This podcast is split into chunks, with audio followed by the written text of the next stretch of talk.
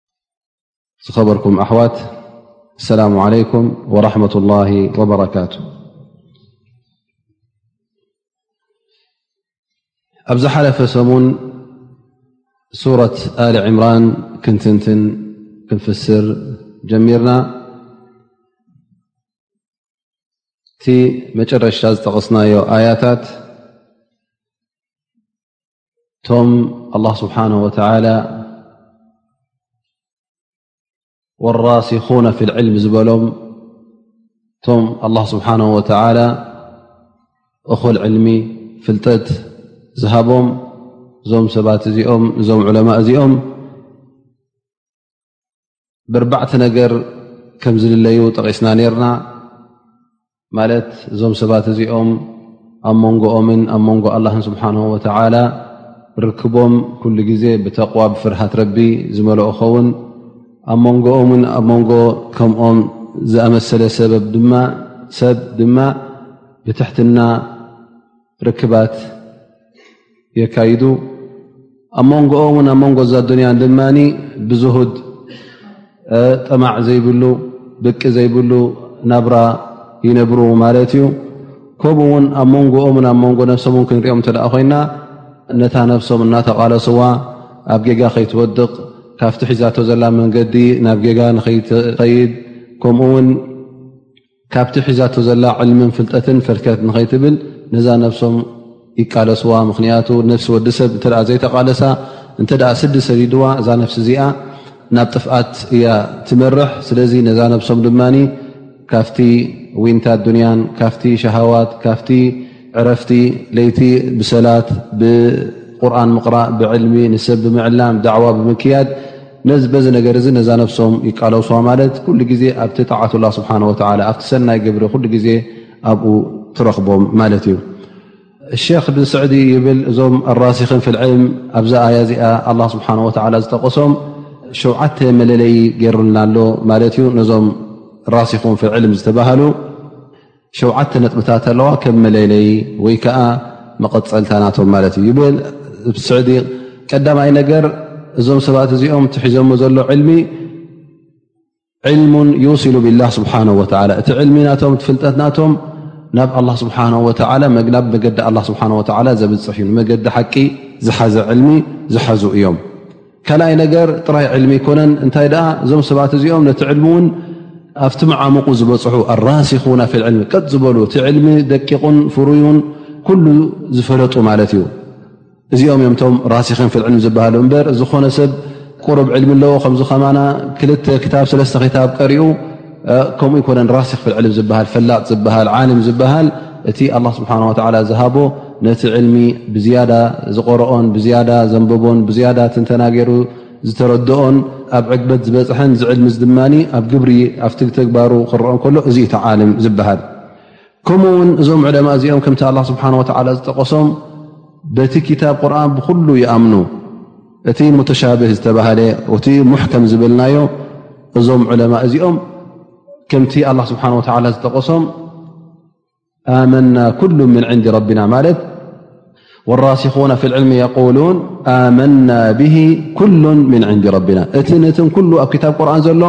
እቲ ተረዳእናዮ ይኹን እቲ ዘይተረዳእናዮ እቲ ሓደ ዓይነት ትርጉም ሒዙ ዘሎ ይኹን እቲ ሰለስተ ኣርባዕተ ዓይነት ትርጉም ሒዙ ዘሎ ይኹን እቲ ሕና ዝፈለጥናዮ ይኹን እቲ ኣላ ስብሓን ወተዓላ ባዕሉ ንገዛእ ርእሱ ፈሊጡ ንዓና ከየፍለጠና እንተ ደኣ ኣውሪድዎ ኣሎ ኮይኑ ኣላ ስብሓን ወተዓላ ኩሉ ከም ዘውረዶ ንኣምን ኢና ሓቂ ከም ምዃኑ እውን ንኣምንና ንነፅጎ ነገር የብልናን ኢሎም ነዚ ቁርን እዚ ኩሉ ዝኣምንሉ እዚኦም እዮም ቶም ብሓቂ ዑለማ ዝበሃሉ ከምኡ ውን እዞም ዑለማ እዚኦም ካብ ኣላ ስብሓን ወተላ እንታይ ይጠልቡ ዓፍን መቕፊራን ኣላ ስብሓን ወተላ ምሕረት ከውርደሎም ክነሕፈሎም ዓፉ ክብሎም ካብ ኣላ ስብሓን ወተላ ኩሉ ግዜ ዓፉ ይጠልቡ ምኽንያቱ እንታይ ኢሎም ኣብዚ ኣያ ዝሓለፈት ረበና ላ ትዚቅ ቁሉበና ባዕዳ ኢዝ ሃደይተና ማለት ኣንታ ረቢ ካብቲ እከይ መንገዲ ኣድሐነና ዓፉ በለና ኣብኡ ንኸይንወድቕ እቲ መገዲ ተጋገየ ሰብ እተ ኣሎ ኮይኑ ካብቲ መገግዲ ተጋገዮ ሰብ ካብቲ ሰብ ዝጋገዮ ዘሎ ንዓና ኣድሐነና ይብል ንኽንያ ከምቶም ሰብ ሰብ ኢና ካብኦም ንፍለይ ኮና ግን ዕልሚ ኣለና ወ ስለዚ እቲ ህዳያ እቲ መገዲ ሓቂ ዘትሕዝ ቀንዲ ነገር ኣላ ስብሓን ወላ ስለ ዝኾነ ኣንተ ኣላ ኣይተጋግየና ኢሎም ድዓ ይገብሩ ከምኡ ውን ብምንታይ ይተኣማመኑ እቲ ሂዳያ ካብ ኣላ ስብሓን ወላ ምኳኑ እውን ይተኣማመኑ ሕና ፍላጣት ኢና ዓሊማት ኢና ኢሎም እቲ ፍልቲ ኢማንን እቲ ፍርሃት ረብን ባዕሎም ከም ዘምፅዎም ባዕሎም ከም ዝኸሰብዎም ኮይኖም ኣይኮኑን ዝርድኡ እንታይ ደኣ እዚ ኢማን እዚ በቲ ኣላ ስብሓን ወላ ንኣምኖ ዘለና እቲ ኒዕመት ልኢማን ዝፀጋ እዚ ኣላ ስብሓን ወተዓላ ከም ዝሃቦም እዮም ዝተኣማመኑ ድኣ እምበር ባዕሎም ከም ዝኸሰብዎን ብኢዶም ከም ዝመንጠልዎን ኣይኮኑን ዝኣምኑ ወላ እውን ዕልሚ ይወሃቡ ፍልጠት እውን ይሃቦም ኣላ ስብሓን ወተዓላ ግን እቲ ህዳያ ስብሓን ወተዓላ ካብ ኣላ ስብሓን ወተዓላ ከም ምኳኑ ይተኣማመኑ እዮም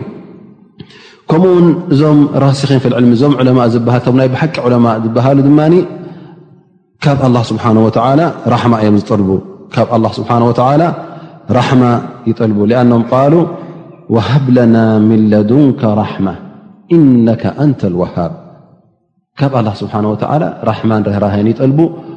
ድዓ ክገብሩ ከለዉ ድማ ኩሉ ግዜ በቲ ኣስማት ኣላ ስብሓን ወተዓላ ተወሱሉ ይገብሩ ማለት እነካ ኣንተ ልወሃብ እስኻ ኢኻ ብሓቂ ራሕማ ትህብን ራሕማ ተውርድን ስለዚ እስኻ ፍፁም ወሃቢ ስለ ዝኾንካ ካባኻ ራሕማ ንጠልብ ኣለና ኢሎም በቲ ወሃብ ዝኾነ ሽሙ ናብ ኣላ ስብሓን ወተዓላ ይቐርቡን ንኣላ ስብሓን ወተዓላ ዱዓ ይገብሩን እዚ ከም መዘኻኸሪ ማለት ኣብ ዝሓለፈ ሰሙን ዝወሰድናዮ ደርሲ እዩ ሎም መዓልቲ እንሻ ላ ካብ ኣያ መበል ቁፅሪ ዓሰ ክንጀምር ኢና እንሻ ላ ሓንቲ ገፅ ድማ ንቀርእ ካብኡ ንንዮ ኣብ ተፍሲር ንኣቱ የቁል ላ ስብሓን ወላ ባዕድ ኣዙ ብላ ሸጣን ረጂም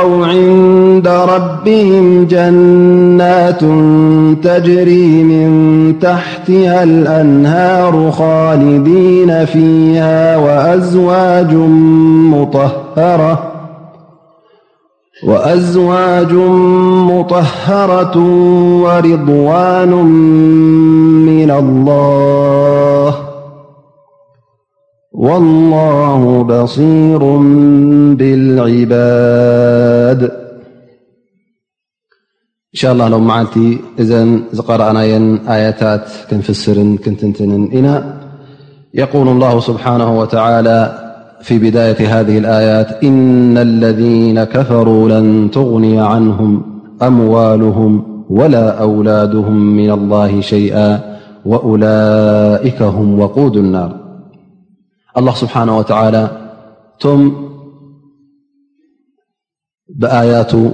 ማለት በቲ ዘውረዱ ቁርን ዝኸሓዱ በቶም ዝለኣኾም ኣንብያ ዝኸሓዱ በቲ ዝሃቦም መልእኽቲ ዘይተቐበሉ እዞም ሰባት እዚኦም ኣላ ስብሓን ወተላ ክሓቲ ገይርዎም ኣሎ እዞም ክሓቲ እዚኦም ድማ ኣላ ስብሓን ወተላ ኣብ ዮም ኣልቅያማ እንታይ እዮም ኢሉ ወቁድ ናር ወቁድ ማለት መቃፀሊ ወይ ነዳዲ ማለት እዩ ነቲ ሓዊ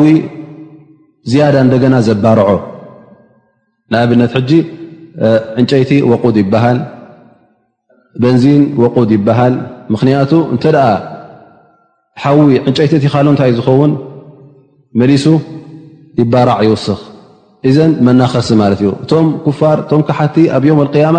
ነቲ ሓዊ መናኸሲ ናታ እዮም ብዝያዳ እንተ ወሲኽካያ እታ ሓዊ ኩሉማ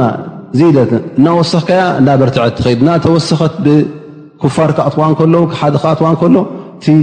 ሓዊ ናታ እናበርትዐ ኸይድ ስለዚ ኣላ ስብሓን ወተዓላ ወቁድ ናር ኢሎም እዚኦም ልክዕ ከም ነዳዲ ናይ እሳት መቃፀሊ ናይ እሳተ ጀሃንም እዮም ላ ስብሓን ወተላ እዞም ሰባት እዚኦም ኣላ ስብሓን ወተዓላ ኣብ ኣዱንያ ዝሃበ እንተሃበ ገንዘብ እንተለዎም ውላድ እንተሃቦም በብ ዓይነቱ ሽሻያት በብ ዓይነቱ ፀጋ በብ ዓይነቱ ኒዕማ ይሃቦም ዳኣ እምበር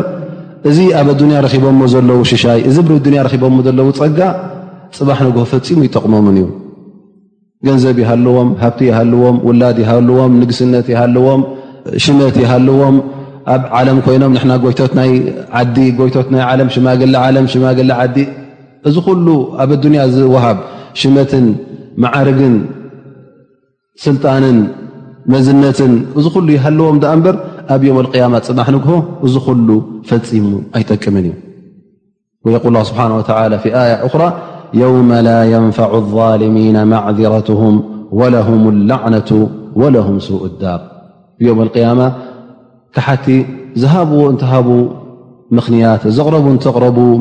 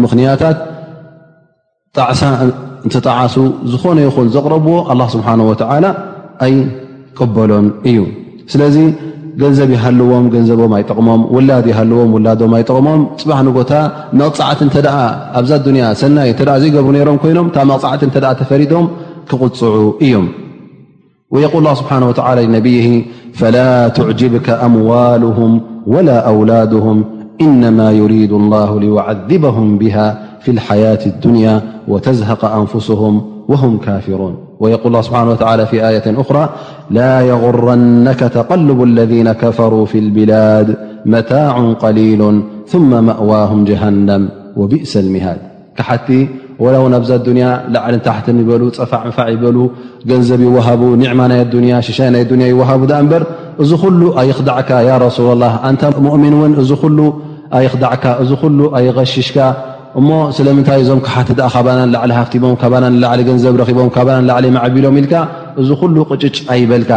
እዚ መታዕ ኣዱንያ ግዜያዊ እዩ ኣብዛ ኣዱንያ ክል ዓመት እዮም ክድሰትሉ ክድሰት እተ ኮይኑ ዝኾነ ክሓዲ ካብ ዕድመ ወዲ ሰብ ኣይነውሕን እዩ ሓ ዓመት ሱሳ ዓመት ንድሕሪኡ ትዝዓበየ ኒዕማ እንተ ክመፅእ ኮይኑ ኣብ ዮም ኣልቅያማ እዩ ትዝዓበየ ስቓይ ክመፅእ እተ ኮይኑ ኣብ ዮም ኣልቅያማ እዩ ፈማ ባልክ እንተ ነቢ ስለ ላ ሰለም ይብል ኣብ ዮም ኣልቅያማ ሓደ ኣብዛ ኣዱንያ እንታይ ዝመስል ኒዕማ እንታይ ዝመስል ናብራ እነብር ነይሩ ተረይሑ ኣዕሪፉ በዓል ገንዘብ በዓል ሃብቲ በዓል ሽመት ነይሩ ኣብ ዮም ኣልቅያማ ዝሰብ እዙ ኣብቲ ሓዊ ጀሃንም ኣብኣ ቅምስ ምስ ኣበልዎ ካብኣ ኣውፅእ ምስ በለ ኣንታ ባርያይ ይሕተት ማለት እዩ ስብሓ ይሓተ ኣንታ ባርያይ ር ዶሪኢካ ትፈልጥ ካብ ትውለድ ይበሃል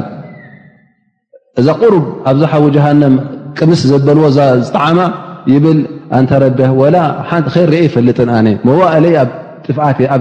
ቅርሱስ እየ ነረ ከይር ርአ ይፈልጥን ይብል እንታይ ማለት እዩ ሕ እታ ንእሽተይ ብ ሓንቲ ሰከንድ ትኸውን ኣብታ ሓዊ ጀሃንም ዘቕመስዎ እቲ ኩሉ ኒዕማ ዝነበሮን ሉ ሽሻይ ዝነበሮን ይርስዖ ማለት እዩ ከምኡ ውን ኣብዛ ኣዱንያ ሓደ ሙእምን ግን ገንዘብ ኣይነበሮ ር እዚ ናይ ኣዱንያ ሙት ኣይነበሮ እዚ ናይ ኣዱንያ ዝርከብ ራህዋን ደስታን ምቾትን ዘይረኸበ ሰብ ኣላ ስብሓን ወተላ የቕርቦ ማለት እዩ ብመከራ ኣሕሊፍዋ ማለት እዛ ኣዱንያ ኩሉ ግዜ ብሽግር ሓንሳ ብሞት ብገሌ ይጉዳ ብናይ ገንዘብ ሽግር የጓንፎ ምስ ስድርኡ ሽግር የጋንፎ ኩሉ ዚ ናይ ኣዱንያ ዘሎ ሽግራት በዚ ኩሉ መከራ ሓሊፉ ኣብ ዮም ኣልቅያማ ኣላ ስብሓን ወተዓላ ኣብታ ናይ ጀና ንቕሩብ ግዜ እትዋ ቢሉ የውፅኦ ማለት እዩ ኣላ ስብሓን ወተላ ይሓቶ ኣንታ በርያይ ሕማቕ ርኢኻዶ ትፈልጥ ኢኻ ይበሃል ኣነ ፈፂመ ሕማቕ ዝበሃል ርእ ፈልጥ ብጀካ ኒዕማ ብል ማለት እዩ ኣይነ ማለት እታ ንእሽተይ ኒዕማ ዝረኣይ ኣብዛ ጀና ትኩሉ ኣብ ኣዱንያ ዘጓንፎ ዝነበረ ሕማቕ ነገራት መከራን ሽግርን ትረስዖ ማለት እዩ ስለዚ ኣላ ስብሓን ወላ እንታይ ዝብለካ እዚ ኩሉ ኒዕማ ዝረኽብዎ ዘለውስ ኣየዐሽኻ ኣይኽዳዕካ ፅባሕ ንግሆ ብሓንቲ ሰከንዲ ክርስዑ እዮም ሓዊ ጀሃንም ምስኣተው ወላ ሓንቲ ጠቃሚ ኣይኮነን ኣብ ፅባሕ ንግሆ እውን ኣይክጠቕሞምን እዩ ለን ትغኒ ዓንሁም ኣምዋልም ወላ ኣውላድም ምና ላ ሸይኣ ካብቲ ኣላ ስብሓን ወላ ኣዳልውሎም ዘሎ ካብኡ ኣይተናግፎምን እያ ካብኡ ውን ኣይ ተድሕኖም ምን እያ ወላካ ሁም ወቁድ ናር እሶም እዮም ድማ ነቲ ሓዊ መቃፀልን መባርዕን ዝያዳ መናኸስን ዝኾኑ እሶም ልክዕ ከም ዕንፀይቲ ናይታ ጀሃንም እዮም ንዓኣ የቃፅልዋን ዝያዳ የባርዕዋን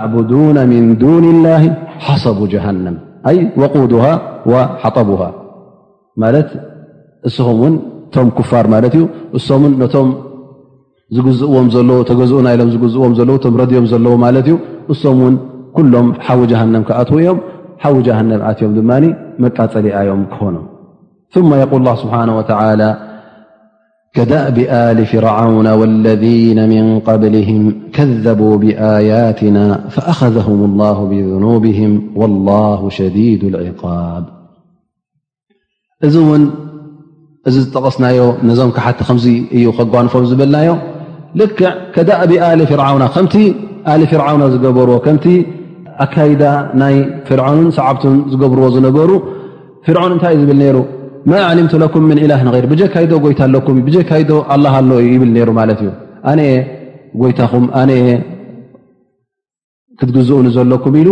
ነቶም ህዝቡ ንሱ ከም ጎይታ ኮይኑ ከም ኣላ ኮይኑ ንዓይ ተገዝኡኒ ንዓይ ኣምልኹኒ እዩ ዝብል ነሩ ማለት እዩ ካባይ ዝበልፅ ኢላ ህመና ኣሎ ይብል ነሩ ማለት እዩ ክሳዕ ክንዲዚ ኣነ ረብኩም ኣዕላ እውን ይብል ነይሩ እቲ ኣብ ኢዱ ዝነበረ ስልጣን ድማ ቀሊል ኣይነበረን ምክንያቱ ቲ ሃገር ኩሉ ሒዝዎ ከም ድላዩ ዝደለየ ሰብ ቀትሎ ዝደለየ ሰብ ይገድፎ ሃብቲ ነይሩ ክሳዕ ሃذ ኣንሃሩ ተጅሪ ምን ታሕት ይብል ነይሩ እዚ ኩሉ ኣብ መስር ዘሎ ኣብ ግብፂ ዘሎ እዚ ኩሉ ትርእዎ ዘለኹም ሃብተይ መሬተይ ፈልፋሊ ወሓዝን ዘለዎ እዚ ኩሉ ሃብቲ ዘለዎ ከመይ ጌርኩም ንካልእ ተምልኹን ትግዝኡን ኣነ እየ ጎይታኹም ይብል ነይሩ ማለት እዩ ኣላ ስብሓን ወላ እዚ ኩሉ ሽሻይ ስለ ዝሃቦ እዚ ኩሉ ሽሻይ ተዋሂቡ እዛ ዱንያ እዚ ኩሉ ንዕማ ከም ድላዩ ይበልዕን ከም ድላዩ ሰትን ድላዩ ይገብረላ ነይሩ ፅባሕ ንግሆ ኣላ ስብሓን ወላ ግን ነዚ ሰብ እዚ ከሳቅዮን ክቐፅዖን ምስ ደለየ እንታይ ገይሩ ማለት እዩ እቲ ኩሉ ገንዘቡን ኩሉ ሰራዊቱን ኩሉ ስልጣኑን ኩሉ ኣብ ኢዱ ሒዝቦ ዝነበረ ሃብትን ምንም ኣይጠቐሞን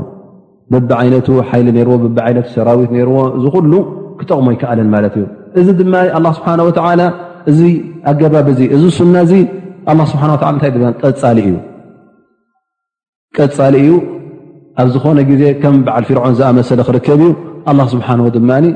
ክቆፅዖም እዩ ኣብ ኣዱንያን ኣብ ኣራን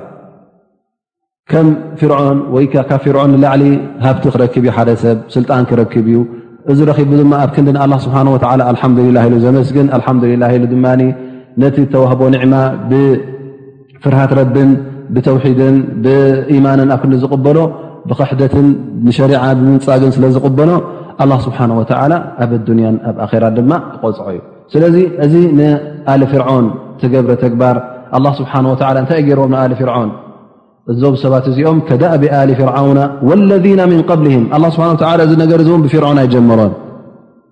በል ቅድሚ ፍርዖን ዝነበሩ ቅድሚ ሰይድና ሙሳ ዝነበሩ እውን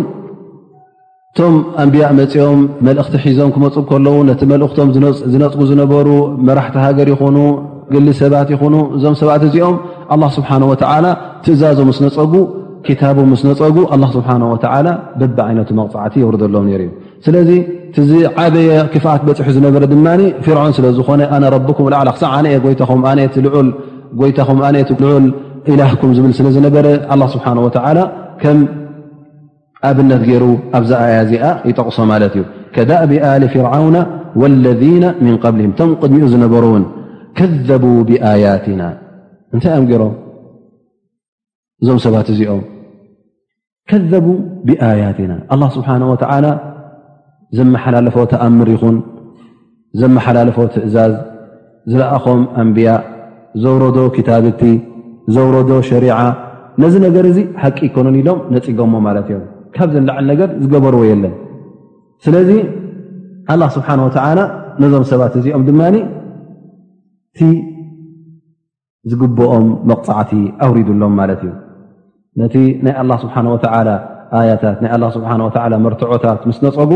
ኣላ ስብሓን ወተላ በቲ ዓዛብ ናቱ በቲ ስቃይ ናቱ በቲ ዝፈፀምዎ ዘንቢ ፈኣኸዘም ላ ብኑብም ኣይ ብሰበብ ኑብም በቲ ዝገብርዎ ዝነበሩ ጌጋታት በቲ ዝገብርዎ ዝነበሩ ወንጀላት ኣላ ስብሓን ወተላ ብኡ ምኽንያት ነዞም ሰባት እዚኦም ቀፂዕዎም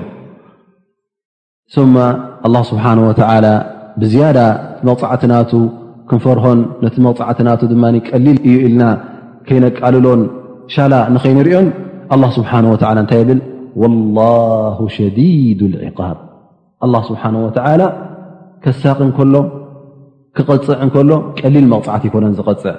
ምክንያቱ ጎይታ ከ ዩ እኡ ኸሊቁካ ስለዚ ካብ ብሕጂ ገና ኣብዛ ዱንያ ከለኻ ምርጫ ከለካ ተጠንቀቕ ብለካ ኣሎ እቲ ስቓይናተይ ቀሊል ኣይምሰልካ ከምቲ ኣላ ስብሓን ወተላ ረሒም እዩ غፋር ዝኑብ እዩ እወ ይغፍር እዩ እወ ይርሕም እዩ ንዘንብኻ ይምሕር እዩ ምሕረተኛ እዩ እቲ ምሕረቱ እውን ካብቲ ስቃዩ ይዓቢ ካብቲ ቁጣዐ ናይ ኣላ ስብሓን ወላ ትርህራሀ ናይ ኣላ እውን ይዓቢ እዚ ኩላህና እንኣምነሉ ኢና ግን እንተ ደኣ ዘቆጥዕ ነገር ገርካ እተ ካብቲ መገዲ ኣላ ስብሓን ወላ ትወፅእ ኣለኻ ኣላ ስብሓን ወተላ ከምቲ በዓል ራሕማን ርህራሀ ዝኾነ ከምኡ ውን መቕፃዕቲ ናቱ ቀሊል ኣይኮነን እሞ ተጠንቀቕ ሕጂ ምርጫ ከለካ መገዲ ኸይርን መገዲ ሕማቕን መገዲ ሰናይን መገዲ እከይን ኣይናይ ክትመርፅ ዕድል እንከለካ ብሕጂ እቲ መገዲ ሓቂ ምረፂ ኢኻ እቲ መገዲ ሰናይ ምረፂ ኢኻ ካብ መገዲ እከይ ረሓቕ ኢኻ ምኽንያቱ መገዲ እከይ ኣብቲ ትቃይ ኣላ ስብሓን ወላ ስለተውጥቐካ ላ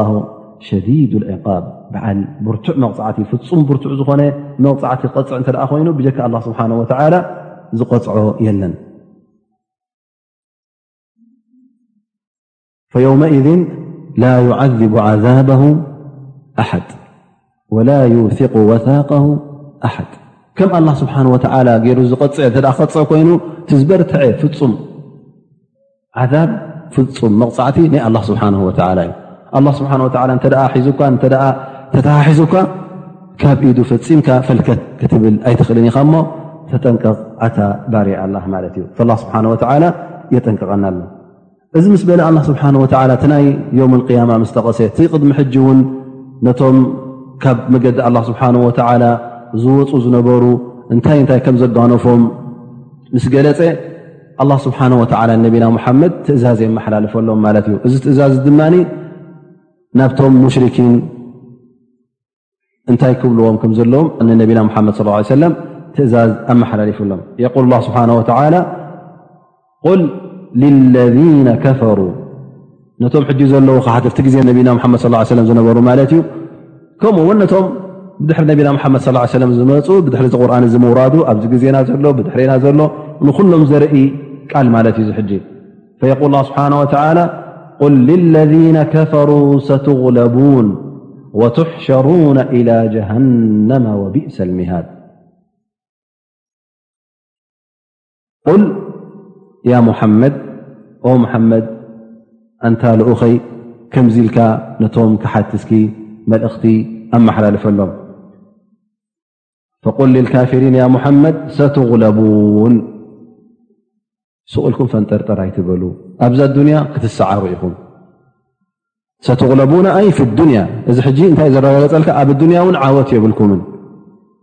ቁል ልለذነ ከፈሩ ሰትغለቡና ፊ ዱንያ ኣብ ኣዱንያ ክትሰዓሩ ኢኹም እምበር ኣይትስዕሩን ኢኹም ዓወት ኩሉ ግዜ ምስ መን እዩ ምስቶም ሙእምኒን ምስቶም መገዲ ኣላ ዝሓዙ ምስቶም ቀጢሎም ትእዛዛት ኣላ ስብሓን ወተላ ዘማልኡ እንተ ሙእምን ብሓቂ ሙእምን ኮንካ እንተ ብሓቂ መገዲ ኣላ ዝሓዝካ ኮንካ ዝስዕረካ የብሉን ዝኾነ ይኹን ክሓዲ ዝኾነ ይኹን ካብ መገዲ ኣላ ስብሓ ወላ ዝወፀ ሰብ ንሙእምን ሓቀኛ ሙእምን ፈፂሙ ይስዕሮን እዩ ቁል ያ ሙሓመድ ኣይልልካፍሪን ቁል ልለذ ከፈሩ ነቶም ክሓቲ ያ ሙሓመድ ሰትغለቡን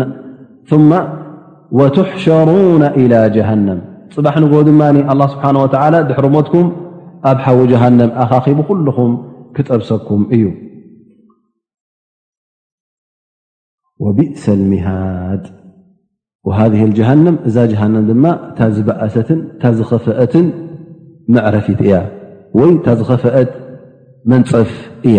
ምክንያቱ እስኻ ሕጂ እንታይ ካትገብር ዘለኻ ፅባሕ ንግሆ ኣብዛ ኣዱኒያ ትገብሮ ዘለኻ ንፅባሕ ንግሆ ካተንፅፎ ዘለኻ እዛ ኣዱኒያ ትገብሮ ዘለኻ ንፅባሕ ንግሆ ተንፅፍ ኣለኻ ማለት እዩ እዚ ተንፅፎ ዘለኻ ደቂስካ ወይ ከተዕርፈሉ ኢኻ ወይ ደቂስካ ክተስታቀየሉ ኢኻ ማለት እዩ ስለዚ ትፍርናሽካ ፅባሕ ንግሆ ትድቅሰሉ ፅባሕ ንግሆ ተዕርፈሉስ ኣጣጣሓዮ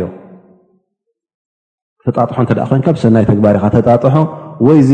ፍራሽ እዚ ወይ ዚ መደቀሲ እዚ ብሓዊ ተኣልመ ፍራሽ ክኸውን እዩ ወይ ከዓ ብሽሻይን ብፀጋ ኣላ ስብሓ ወ ተኣልሚ ክኸውን እዩ እሞ ከምቲ ተግባርካ ሎሚ ትገብራ ዘለኻ ሎሚ ተኣልማ ዘለኻ ፅባሕ ንግሆ ክትፀንሓካ እያ እሞ ናይ ፅባሕ ንግሆ ትቕርብ ዘለኻ ፍርናሽካ ተዳሉ ዘለኻ መደቀሲኻ ወይ ሓዊ ክኸውን እዩ ወይ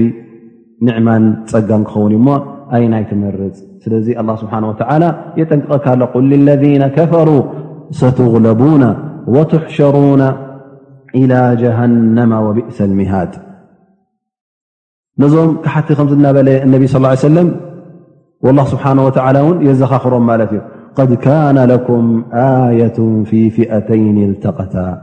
እዚ ሕጂ መዓሲ ተጠቂሱ ማለት እዩ ድሕሪ ኩናት በድር ዝበልዎ ማለት እዩ ነቢና ሓመድ ለ ላ ሰለም ክብልዎ ተኣዘዙ ማለት እዚ ቃል ላ ስብሓ ወላ ነቢና ሙሓመድ ናብቶም ክሓቲ ከም መሓላልፎት ተኣዘዙ ቃል ማለት እዩ እንታይ የብልዎም ኣለዎ ማለት እዩ ድ ካነ ለኩም ኣየት ፊ ፊኣተይን ልተቀታ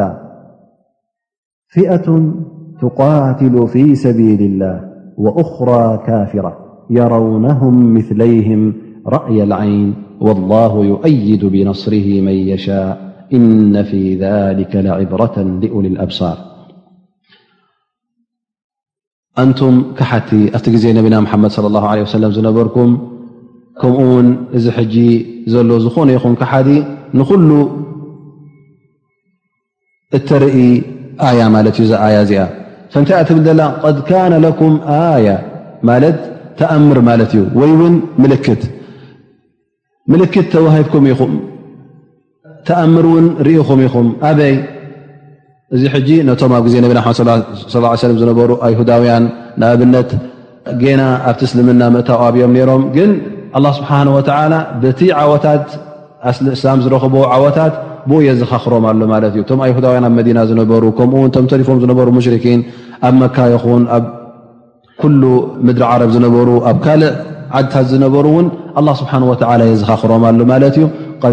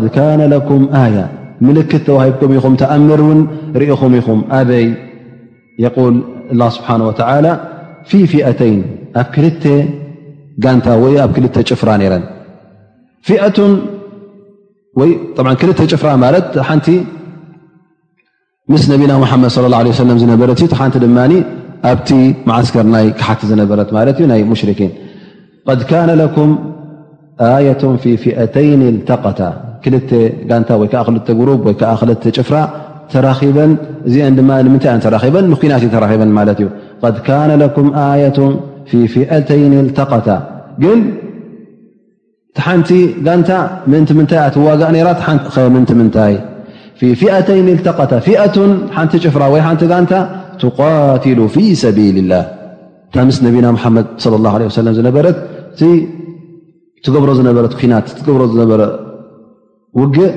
እሶም ድማ እቶም ኣስላም ማለት እዩ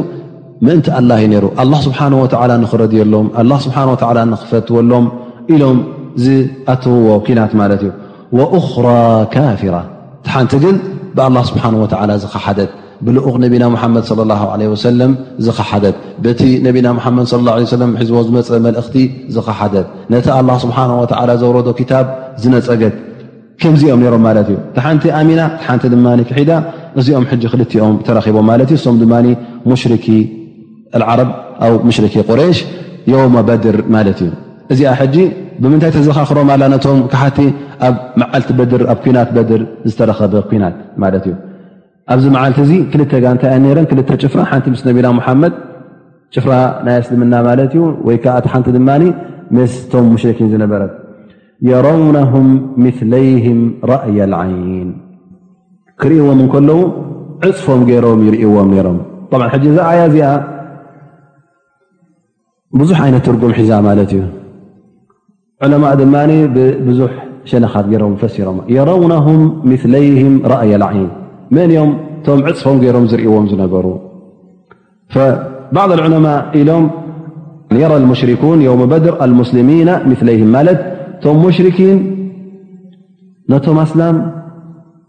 ክሪዎም ከለዉ ከም ብዙሓት ዕፅፎም ኮይኖም እረኣይዎም ነሮም ማለት እዩ እቶም ሙሽርኪን ክሪኡ ከለዉ ኣብ ዓይኖም ሕጂ እቶም ኣስላም ብዙሓት ኮይኖም ይረኣይዎም ነሮም ማለት እዩ ካልእ ዕለማ ድማ ከምኣ ኣይኮነትን ትርጉማ ኢሎም ኣንፃርያ ማለት እቶም ኣስላም እዮም ክርእዎም ከለዉ እቶም ሙሽርኪን ብዙሓት ኮይኖም ይረኣይዎም ነይሮም ኣ ኣላ ስብሓን ወላ ሕጂ ኣብዛ ኣያ እዚኣ የረውነሁም ምለይህም ክብል እንከሎ ሁም ናብ መን እያ ትምለስ ናፍቶም የረውነሁም ናፍቶም ኣስላም ድያ ወይስ ናፍቶም ሙሽርኪን እዚኣ ሕጂ እቶም ዑለማ እጅትሃድ ገይሮምላ ማለት እዩ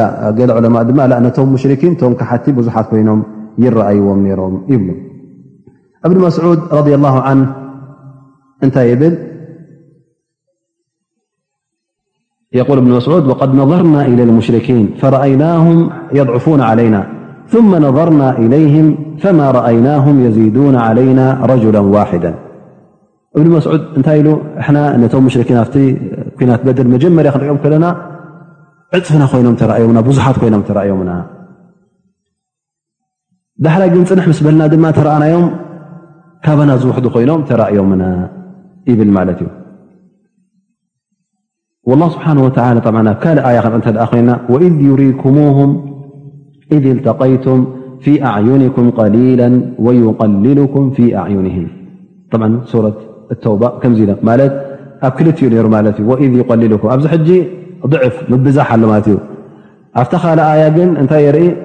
እቶም ሙሽርኪን ነቶም ሙእምኒን ክሪእዎም ከለዉ ውሕዳት ኮይኖም ሪኦሞም እቶም ብወገኖም ድማ ሙስሊሚን ነንሕዶም ክረኣዩ ከሉ ወውሕዳት ገይሩ ኣላ ስብሓን ወተላ ኣርእዎም ስለዚ ሕጂ እቲ ነእታ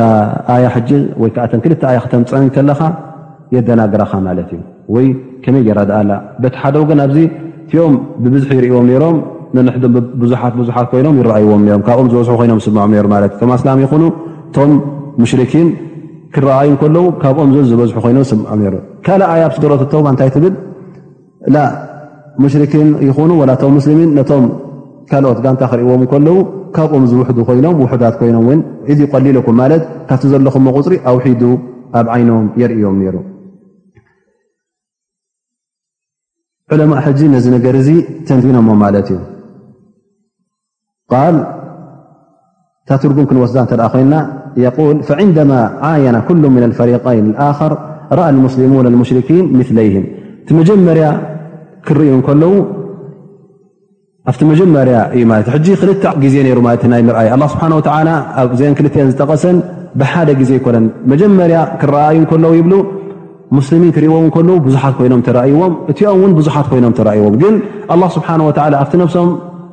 ተፈላለየ ስምዒት ኣሕዲሩ እቶም ሙስሊሚን ሙሽርኪን ብዙሓት ኮይኖም ክረኣይዎም እንከሎ እንታይ ተሰሚዕዎም እሕና ውሑዳት ኢና ዘለና እሶም ብዙሓት እዮም ዘለዉ እሞ ሕጂ ካብዚ ሽግር እዚ ኣብዚ ቦታ እዚ ዝዐውተና ብጀካ ኣላ ስብሓን ወላ ብቁፅሪ ብገለ ክንዕወት ዝበሃል ኣስለን ኣብ ርእሲ የለን ማለት እዩ እቲ ኣብ ኣላ ስብሓን ወተዓላ ዘለዎም ተወኩል ብዝያዳ ደንፊዑ ማለት እዩ እዚ ኩናት እዚ ብኣላ ስብሓን ወተላ ኢና ክንዕወቶ ንኽእል ብዝብል ተረድኦ እንታይ ኣብዚሖም ሕጂ ናብ ኣላ ስብሓን ወተዓላ ድዓን ምህለናን ኣብዚሖም ማለት እዩ ሕጂ እንታይ ፋይዳ ተረኺቡ ብዝያዳ ናብ ኣላ ስብሓን ወተላ ተወኩልን ናብ ኣላ ስብሓን ወተላ ክፅግዑን ተረኺቦም ማለት እዩ እዚ ሕጂ ኣብ ልቢ መን ሓዲሩ ማለት እዚ ስምዒት እዚ ኣብ ልቢቶም ሙእምኒን ምክንያቱ ትኻለ መዓስከር ርእዎ ኣለዉ ካብኦም ዝበዝሑ ኮይኖ ምስ ረኣይዎ ማለት እዩ እቶም ሙሽርኪን ድማ እዚ ስምዒት እዚ ነበሮምን ካልእ ስምዒት ሓዲርዎ ማለት እዩ ብዝሒ ምስ ረኣዩ እንታይ ስምዒት ሓዲርዎም ማለት እዩ ኣላ ስብሓን ወተዓላ ፍርህእት ዩ ኣሎም እዚኦም ኣ ካባና ብዙሕ ን ብማለት ንገዛእ ርእሶም ሶም ኣሰ ኢማን የብሎምን ብ ስብሓ ስለ ዘይኣምኑ ብቁፅርን ብብዝን ብዘይ ምብዛሕን ስለ ዝኣምኑ እቲ ዝውከሉ ናብ ምንታይ ዮም ዝውከሉ ናብ ሓይሎምን ናብ ብረቶምን ናብ ብዝሒ ሰራዊቶምን ስለ ዝኣምኑ እቲ ኣብ ቅድሚኦም ዝርእዎ ዘለዉ ሰራዊት ካብኦም ዝበዝሕ ኮይኑ ስለ ተረኣዮም ሕጂ ክፈርሁ ጀሚሮም ማለት እዩ ኣብ ከብዶም ፍርህን ራዕድን ክኣትዎም ጀሚሩ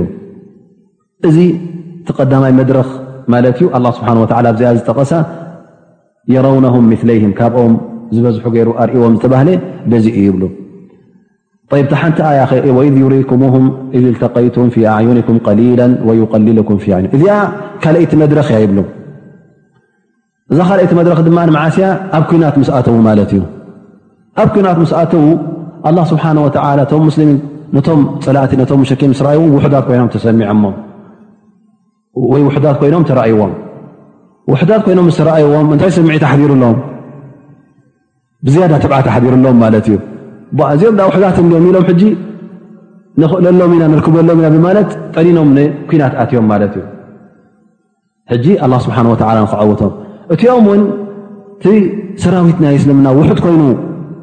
ምስ ርኣይዎ እውን ጠቢቦም ክኣትዉ ጀሚሮም ማለት እዩ ኣብቲ ሃላክ ንክኣትዉ ተጠቢሶም ማለት ወርጣኣት እዮም ማለት እዩ ኣ ኣላ ስብሓን ወላ ተቐዲሮ ዝነበረ ንክቁተል ንክሰዓር እዩ ፈላህ ስብሓን ወተላ ነዞም ሰባት እዚኦም እምበኦም እምበኣር ውሕዳት እዮም ኢሎም ድማ ንሶም ጠኒኖም ኣትዮም ማለት እዩ ፈትኦም ሸጃዓ ረኪቦም እቲኦም ድማ ኣፍታ ኣላ ስብሓን ወላ ከቲብሎም ዘሎ ኣ ኣ ስብሓ ላ ፅሒፍሎም ዘሎ መጥፋእቲ ናብኣ ተቀላጢፎም ኣትዮም ማለት እዩ እዚ እዩ ኣላ ስብሓን ወተላ ኣብዛ ኣያ እዚኣ ብዙሓት ዕፅፎም ገይሩ ዘርኣዮም ኣብታ ኣያ ናይ ሱረት ተባ ድማ ብዕንቶም ኣብ ዒንቶም ኣውሒዱ ዘርኣዮም ነዚ ዓይነት ሕክማ ማለት ነዚ ዓይነት ስምዒት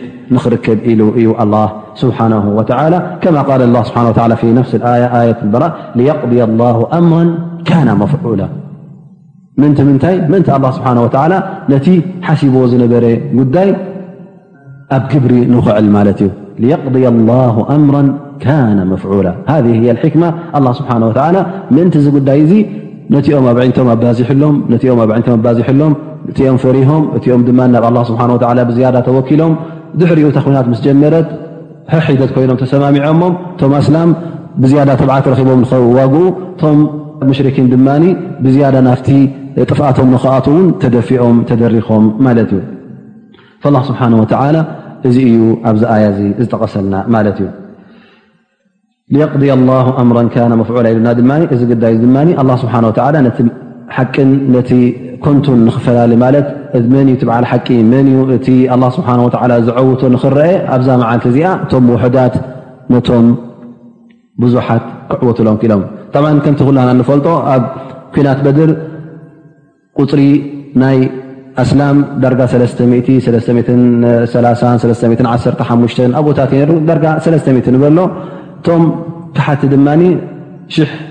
ዳርጋ ይኸውን ነይሩ ማለት እዩ። ፈዚ እዩ እቲ ቁፅሪ ነይሩ እቲኦም ማለት ዳርጋ ሰለስተ ዕፅፎም እዮም ነይሩ። እዚ ሕጂ እንታይ የርእየና ማለት እዩ ኣላ ስብሓን ወተላ ክዐውት እንተ ደኣ ኮይኑ ንባሪኡ ነቶም ባሮቱ ነቶም መገዲ ሒዞም ዝኸዱ ብብዝሒ ኣይኮነን ዝዐውቶም ብዝሒ ሰራዊትን ብዝሒ ዕጥቅን ብዝሒ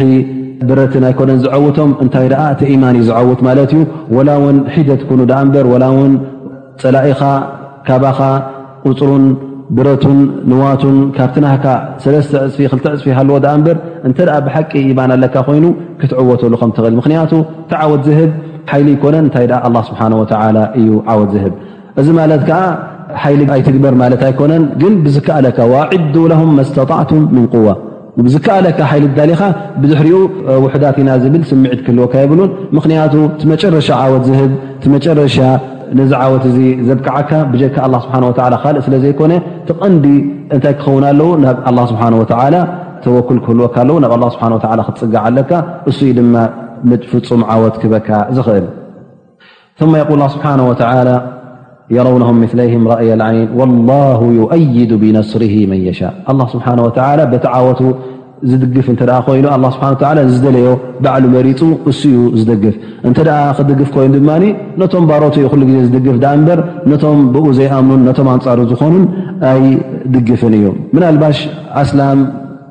ኣብ ሓደ ሓደ ቦታታት ንኣብነት ብፀላኣ እውን ይሰዓሩ ኮኑ እዚ ሓደ ግዜ ክልተ ግዜ ምስዓር እውን ኣላ ስብሓን ወተዓላ ገዲፍዎም ማለት ኣይኮነን እንታይ ደኣ እዚ ምናልባሽ ኣላ ስብሓን ወተዓላ ብዝያዳ ክፍትኖም ብዝያዳ ክምርምሮም ብሓቂ ሙእምኒን ድም ናይ ብሓቂ እምነት ኣለዎም ዶ የብሎምን ፈልጥ ማለት ኣላ ስብሓን ወተላ ኣብ መርመራ ክእትዎም ብማለት ኣብ ሓደ ሓደ ኩናታት እውን ይሰዓሩ ነይሮም እዮም ግን እዚ ምስዓር እዚ ቀፃሊ ኣይነበረን እንታይ ደኣ ከም መርመራ እዩ ዝቐርብ ነይሩ ማለት እዩ እነቢ ስ ሰለም ኣብ ኩናት እሑድ እንተ ርእና ኣብ በድር ሰብዓ ቀትሎም ሰ ክኣስሩ ከለዉ ኣብ ኩናት እሑድ ግን ካብ ኣስላም ሰብዓ ተቐትሎም ማለት እዩ ስለዚ ኣብ ኩናት ሑድ ድማ እቶም ሙሽርኪን ፀለልትነት ኣርዮም ስለምንታይ ምኽንያት ነይርዎ ማለት እዩ ቀዳማይ ነገር እቶም ኣስላም ነቲ ነብና ሓመድ ስ ሰለ ዝኣዘዞም ካብቲ ትእዛዝ ናቱ ስለ ዝወፁ ሓደ ማዕስያ ስለ ዝገበሩ እዚ ሓደ ነይሩ ማለት እዩ ካልኣይ ነገር ድማ ብሓቂ እዞም ሰባት እዚኦም ትማለ ተዓዊቶም እሞ ኩሉ ግዜ ዓወት ንዓወት ዓወት ብድሕሪ ዓወት ዓወት ድሕሪ ዓወት ከይዱ ዝኾ ኩሉ ሰብ ክኸተለካ እዩ ግን እንተ ሽግራት ዘጓነፈካ ኮይኑ እተ ሓደሓደ ግዜ ትሰዓር ኮንካ እቲ ብሓቂ ኢማን ዘለዎ ብኣላ ስብሓን ወላ ዝኣምን እንተዘይኮይኑ ዝኾነ ሰብ ደድሕሪኻ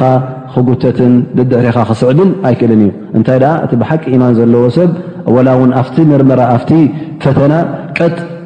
ዝበለ እሱ እዩ ነቲ ኢማን ዘለዎ ሰብ ክመምዮን ክፀርዮን ዝኽእል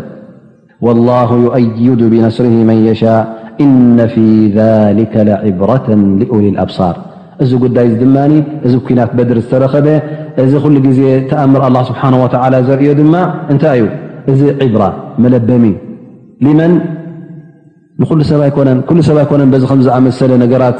ዝልብም ዕብራ ዝወስድ መዘኻኸሪ ዝወስድ መን ደኣ እቶም ኡሉል ኣብሳር ዝተባህሉ እቶም ኣላ ስብሓን ወተዓላ ልቢ ዝሃቦም በሲራ ዝሃቦም እቶም ክመምዩ ዝኽእሉ እቶም ዓቃላት ሰባት እሶም እዮም ክጥቀሙ ዝኽእሉ እምበር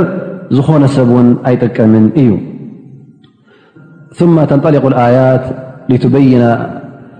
زينة هذه الدنيا فيقول الله سبحانه وتعالى زين للناس حب الشهوات من النساء والبنين والقناطير المقنطرة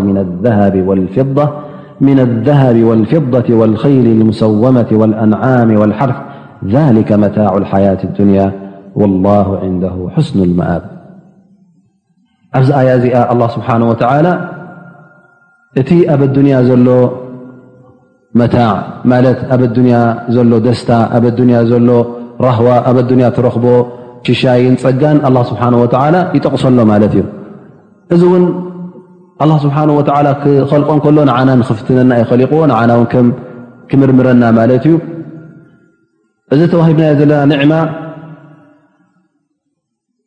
ክልተ መንገዲ ኣሎ በቲ ኣላ ስብሓን ወላ ዝኣዘዞ መንገዲ እተ ቀጣ ኣቢልና ሒዝናዮ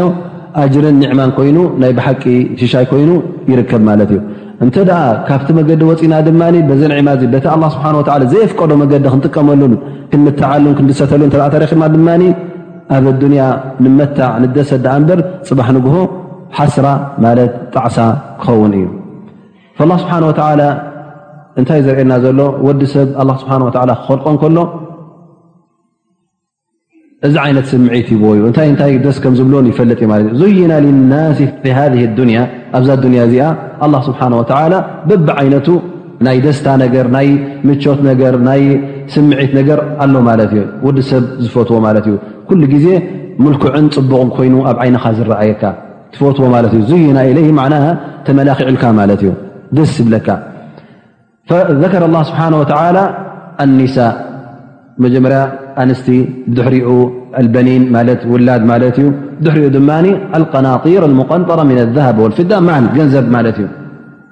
ኩሉ ብድሕሪ ዝመፅእ ሕጂ ኣብ ናይ ሃብቲ ናይ ገንዘብ ዝኣቱ ማለት እዩ ሃብ ናይ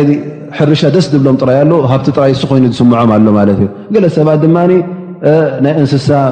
ጥሪት ክህልዎ ከሎ እሱ ጥራይ ሃብቲ ኮይኑ ዝስምዖ ወርቅን ብሩርን ገንዘብን ታሽሙ ኮይኑ ማል ኮይኑ ይስምዖን እዩ ማለት እዩ ሓንቲ እዞም ሰብ ማል እንተ ሓቲትካዮ ጥሪቱ ኣሽሓት እንከለዋ ወላ እውን ሓንቲ ሽጠለይ ክንዲዚ ኣሽሓት ክበካይ ገንዘብ ተልካ ይኣብ ማለት እዩ ምክንያቱ እዛ ኣጥሪዎን ዘሎ ጥሪት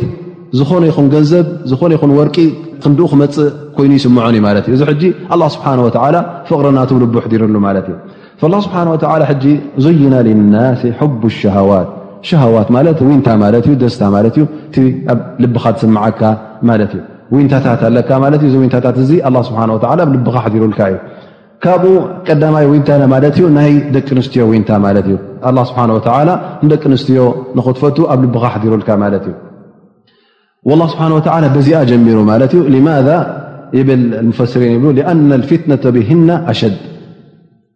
ምኽንያቱ ብዙሓት ሰባት ዝበርትዐ ፊትና ዝዓበየ መርመራ ብአን ስለ ዝኾነ ብዙሓት ሰባት ድማ ኣብዚ መርመራ ስለ ዝተርፉ ኣላ ስብሓን ወተላ ብኡ ጀሚሩና ነቢ ስ ሰለም የል ማ ተረክቱ ባዕዲ ፍትነተ ኣضሩ ዓ ርጃል ምና ኒሳ እቲ ዝዓበየ ፊትና ተዓበየ መጋገይ እተ ኣሎ ኮይኑ ደቂ ተባዕትዮ ዝጋገይዎ ኣብ ምንታይ ዩ ኣብ ደቂ ኣንስትዮ ማለት እዩ ኣብ ደቂ ኣንስትዮ ወይ ብናይ ዝምውና ምስ ስራሕ ይኹን ወይ ውን ድኹማት ደዒፊን ኮይነን ን ንዐን ንክትዘልመን እተ ኮይኑ ውን እዚ ውን ካልኣይ ፊትና ክውን ማለት እ ግን ትቐንዲ ፊትና ኣላ ስብሓን ወተላ ከም ሻህዋ ጠቒስዎ ዘሎ እቲ ናይ ደቂ ኣንስትዮ ስምዒት ናተን ድልት ማለት እዩ እዚ ጉዳይ እዚ ሕጂ ክልተ ገፅ ክንሪእሉ ንኽእል ኣላ ስብሓን ወተላ ደቂ ኣንስትዮ ከሊቕዎን ዘሎ ጣዕ ንምንታይ ከሊቕዎን ክንድሰተለን ክንምትዓለን ዘይኮና ይብለካ ንኣብነት ደቂ ኣንስትዮ እተ ክድሰተላ ኮይንካ እሳውን ብኣኻ ክትምታዕ እተ ኮይና ኣላ ስብሓን ወተላ መገዲ ገይሩልካ ማለት እዩ እሱ ድማ ሕጋዊ መርዓ ጌይርካ እቲ ናህካ እቲ ተፈጥሮኣዊ ደስታ ክድሰት ትኽእል ማለት እዩ እንተ ካብኡ ወፅእካ ከ ሻህዋ ናካ ስምዒት ናትካ ውን ብሓራም ን ከተርብዮ ትኽእል ኢኻ ስለዚ ኣየናይ ትመርፅ እዚ ሕጂ ሻህዋ እዩ ኣላ ስብሓን ወተላ ኣፍትካ ኣሎ ሓደ ገፁ እንተ መገዲ ኣላ ስብሓ ወላ ዝሓዘ ኮይኑ ኣጅሪ ክትረክበሉ ዮ ካብ ዝያዳ ውን እንተ ሓደ ሰብ እቲ ክምርዖ ከሎ ተመርዕዩ ወላ ውን ክልተሰለስተ ወላ ኣባዚሑ ውን ይመርዖ ዳኣ እምበር እንተ እዚ መርዓዚ እዚ ደቂ ኣንስትዮ ምብዛሑ እተ ቀዳማይ ነገር ንዐን ነፍሱ ዕፋፍ ክገብር ኣብ መገዲ ሓራም ንኸይወድቕ እንተ ኮይኑ እዚ ንያ እተ ኣለዎ ኮይኑ እዚ ሕጂ ኣጅር ኣለዎ ማለት እዩ እንተ ግን ጥራይ ነቲ ስምዒቱ ንምርዋይ ከም ድላዩ ፀፋዕ መፋዕ ክብል ንየማን ፀጋም ክኸይድ እተ ኮይኑ እዚ ግን ኩሉ ንዘንቢ ይኸውን ማለት እዩ ذሊክ ነቢ ስ ሰለ ል ኣዱንያ መታዕ ወኸይሩ መታዕሃ ኣልመርኣት ሳሊሓ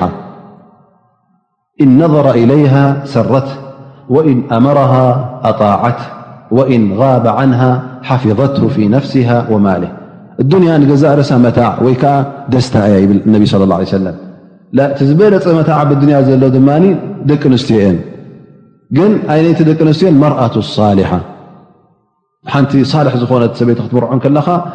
እሱ እቲ ዝበለፀ እሳ ድማ እንታይ እተ ርእዋ ሰረቱ ተሐጉሶ ኣብ ቅድሚኡ ክሪኣ ከሎ ብኣ ሕጎስ እንተ ኣዚዝዋ ትምእዘዝ እንተ ሰብኣያ ድማ ጌሹ ዘየሎ ኮይኑ ብድሕሪኡ እውን ነዚ ሰብይ እዚ ኣይትኸድዖን ኣይትኻይኖን እንታይ ደኣ ገንዘቡ ይኹን ነፍሳ ይኹን ሓልያ ትፀንሖ ማለት እዩ እዚ ሕጂ ኣላ ስብሓን ወተዓላ እቲ ኣገባብ ከመይ ጌርና ክንተዓለን ከም ንኽእል ደቂ ኣንስትዮ ክትምታዕ እተ ኮይንካ በቲ ሓላል መንገዲ ጌርካ እተ ተመትዕካ ዕፋፍ ማለት ንዕኣ ዕፋፍ ክትገብር ነፍስኻ ዕፋፍ ኣብ ዝምውና ንኸይትወድቕ ከምኡ ውን ውላድ ንኽትረክብ እዞም ውላድ ትወልዶም እውን ንኼር ኢልካ ኣስላም ንክኾኑ መገዲ ሓቂ ንኸተሪኦም ኢልካ እንተ ኮይንካ ነስቶም እስላም ንምብዛሕ እተ ኮይኑ ኣጅር ኣለዎ ማለት እዩ ካብኡ ናበይ ንሓልፍ ኣልበኒን ين للناس حب الشهوات من النساء والبنين ولاد كله فن ن كل ب و ن ر نر الله سبحانه وتلى ب نسن زحر فيول الشارح وابن كثير وحب البنين تارة يكون للتفاخر والنة وارة يكون ርዳእ ላ ስብሓ ወ ተክር ኣነስል ተክር እመቱ መሓመድ ማለት ውላድ ምብዛሕ እታ ውላትካ ንክበዝሑ ክትደሊ ወይከዓ ምእንቲ ኢልካ ክትቃለስ ንኦም ክትፈትዎም ከለኻ እዚ ሓደሓደ ግዜ ንትዕቢትን ንኣነ ውላድ ኣለውኒ ብዙሓት ኣለውኒ ኢልካ ኣብ ቅድሚ ሰብ ንክትረኣየሎምን ውላደይ ብዙሓት እዮም፣ ኣነ ህዝበይ ብዙሕ እዩ፣ ኣነ ከምዚ ዩ ስድራይ ቤተሰበይ ብዙሓት እዮም ኢልካ እንተ በዚ ጥራይ ንሰብ ንኽትረኣየሉን ንክትጀሃረሉን እንተ ኮይኑ እዚ ኣላ ስብሓን ወተዓላ ኣይፈትዎን እዩ ማለት እዩ። ግን እንተ ተክፊር ነስሊ ተክፊር እመት መሓመድ ማለት ውላድካ ክበዝሑ ከለዉ ውላደይ በዚሖም መንገዲ ር ከርእዮም መገዲ ሓቂ ከርእዮም እሞ ከዓ ካብቶም እመት መሓመድ ኮይኖም እቶም መገዲ ሓቂ ዝሓዙ ኣብዚ ዓለም ክበዝሑ ኢልካ ተኣምን እተ ኮይንካ እዚ ግን ኣላ ስብሓን ወተላ ይፈትወዩ ማሕሙድ ዝኾነ ነገር ፍትው ዝኾነ ነገር ሊኣን ነቢ ስ ሰለ የል ተዘወጁ ወዱድ ወሉድ ፈእኒ ሙካሩ ብኩም ልእመማ የውም ልያማ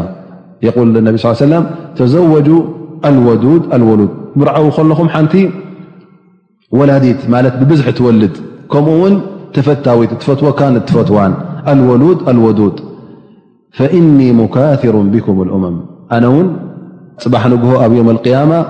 እቲ እመት መሓመደይ ዝበዝሐ ክኸውን ስለ ዝደሊ ካብተን ካልእ እማታት ዝበዛሕኩም ክኸውን ስለ ዝደሊ ፅባሕ ንግ ካብተን ካልእ እማታት ምእንቲ ንክበዝሕ ኣብ ዮም ያማ ተባዝሑ ተዋለዱ ትዋለድን ክትባዝሐ ከለካ ግን ብሓላል ክኸውን ኣለዎ ዳኣ እምበር እነቢ ስ ሰለም ተባዝሑ ኢልና ኢልካ ፈቐድኡ ብሓራም ክትባዛሕ ማለት ኣይኮነን እንታይ ደኣ መገዲ ሸርዒ ዝሓደ ሕጋዊ መርዓ ጌርካ ኢኻ እትባዛሕ ሳልሳይ ሕቡ እኒሳ ሕቡ ልበኒን ሳልሰይቲ ድማ ሕቡልማል ማል ምፍታው ገንዘብ ምፍታው እሱ እውን ከምቲ ዝበልናዮ እተ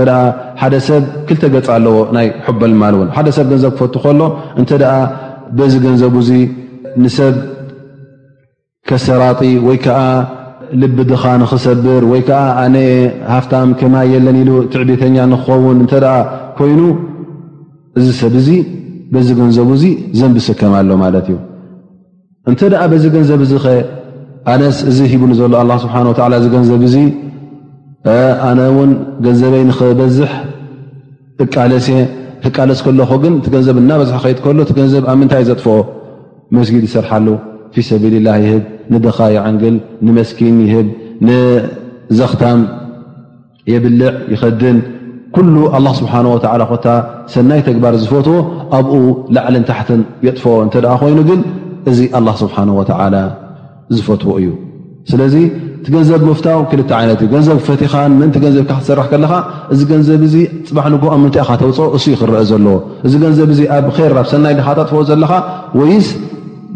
ንትዕቢትን ንኣነ ሃፍታም እየ ኣነ ከማይ መን ኣሎ ንምባልን ኣብ ቅድሚ ሰብ ክትጀሃረሉን ክትረኣየሉን ኢኻ እቲ ገንዘብ ትፈትዎን ትእክቦን ዘለኻ ስለዚ እታ ምእካብ ሓንቲ እያ ግን ክልተ ዓይነት ኣለዋ ማለት እዩ ክልተ ገፅ ኣለዋ እቲ ሓንቲ ኼረኛ ዝኾነት ገፅ ትኸውን እቲ ሓንቲ ድማ ኣንፃር መገዲ ኣላ ትኸውን ማለት እዩ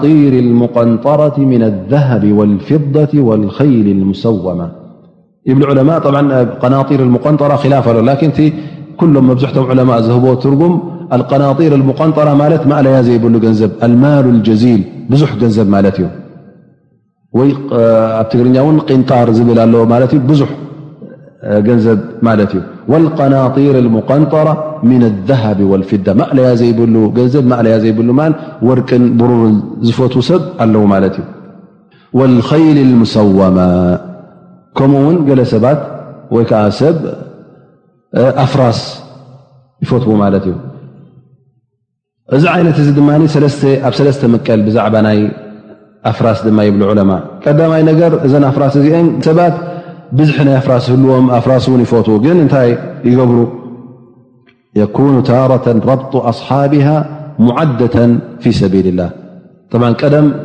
እቲ ጅሃድ ፊ ሰብላ ቃልሲ ምንታይ ዝካየድ ነይሩ ቀንዲ ነገር ኣፍራስ እየን ነረን ማለት እዩ ስለዚ እንተ እዚ ሰብ ዚ እዚ ኣፍራስ መእከቢኡን ነፍራስ መፍተዊኡን እንተ ኣኪቡ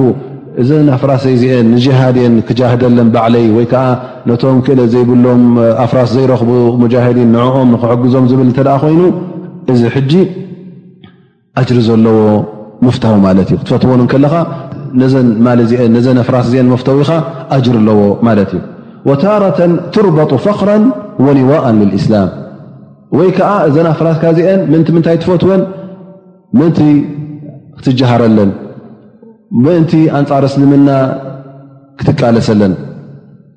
እዚ ድማ ኣንፃር ይኸውን ማለት እዩ ዘንቢ ይስከመካ ማለት እዩ ወታረተ ተዓፍፍ ወቅትና ኣነስሊሃ ገሊኦም ድማ ከም ንግዲ ንስራሕ ዝጥቀሙለን ብኡ ይፈትዎን ማለት እዩ እዚ ድማ ከምቲ ሓቅናተን እተ ዝህብ ኮይኑ ኣብ ዘካት ዘውፅእ እተ ኮይኑ ናይ ትጃርኡ ናይ ገለ እዚ እተ ኮይኑ ድማ ዘከም ሰቡ ከም ካልእ ሰቡ ምንም ሽግር የብሉን ሙባሕ ይኸውን ማለት እዩ እተ እቲ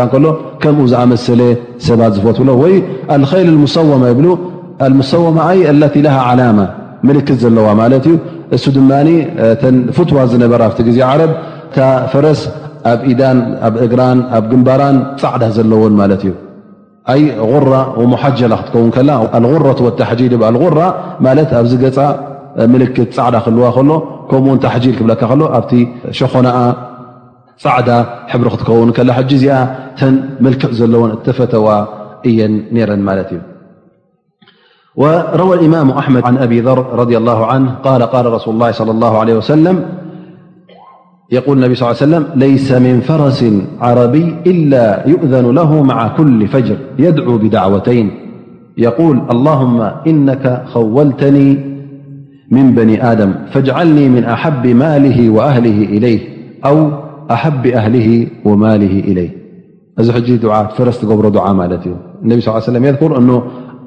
ፈረስ ኩሉ ንግሆ ንግሆ ዱዓ ትገብር እንታይ ትብል ኣንታ ረቢ ኣነስ ነዚ ሰብ እዚ ኣብ ትሕቲኡ ጌርካኒ ካብቲ ማሉ ጌርካኒ እሞኒ ካብቲ ዝፈትዎ ማል ግበረኒ ኢላ ዱዓ ትገብር እታ ፈረስ ይብል ማለት እዩ ነቢ ለ ላ ለ ወሰለም እቶም ኣፍራስ ዘለዎም ኩሉ ግዜ ኣፍራስ ፈትዎን እ ኣፍራስ ኩሉ ግዜ ፍትዋት እየን ማለት እዩ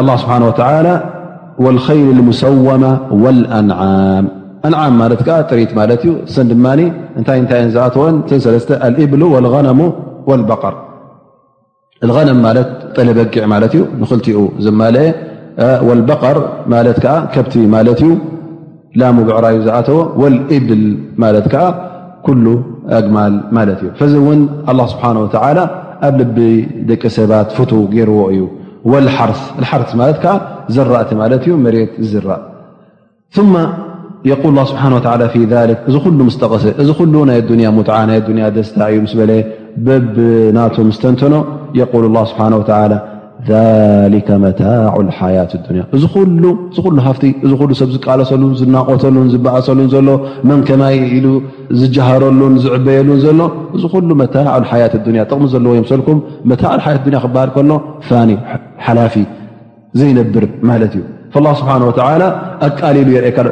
ሊከ መታዕ ሓያት ዱንያ ነዛ ዱንያ ውን ብምንታይ ይወስፍዋ ወይ ከዓ ብምንታይ ትግለፅ ዛህረት ሓያት ዛህራ ማለት ዕምበባ ዱንያ ማለት እዩ ኩሉ ግዜ ዕምበባ እተዳሪካ እተ ምንጥስ ኣቢልካዮ ወላ እውን ከይመንጠስካዮ ከለካ ዕምበባ ኩሉ ግዜ ብዕምበባ ኣይትነብርን እያ ፈፂማ ውሱን መዓልታት ኣለዋ ማለት እዩ እሞ እታ ዕድመ ናይ ዕንባባ ትሪያ ኣለኻ ከም ክትር ዛህረቱ ሓያት ያ ው መታዕ ሓያት ያ ክበሃል ከሎ ዝኾነ ዕንባባ ይዓንብብ ዳኣ እበር ወላ ውን ከይ በንጠስካዮ ከለኻ ብዕንባብኡ ዝነብር የለን ፅባሕ ንጎ ተቕየር ማለት እዩ ካልያ ትኸውን እዛ ዱንያ እዚኣ ከምታ ዕንባባ ክርካ ክትሪያ ኣለካ ማት መታዕ ሓያት ዱንያ ላ ንደ ሕስኑ መኣብ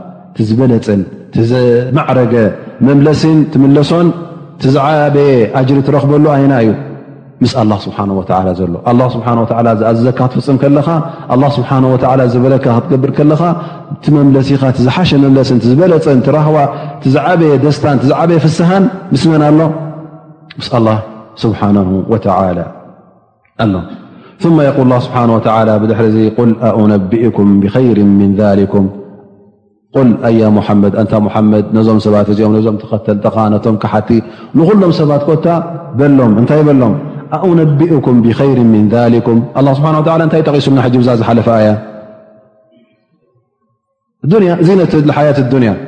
ነቢ ስ ሰለ እንታይ ዘዛ ኣሎ ማለት እዩ ኣንታ ነቢ ነቶም ምሳኻ ዘለዉ ሰዓብትኻ ነቶም ኣብ የሙኻ ዘለዉን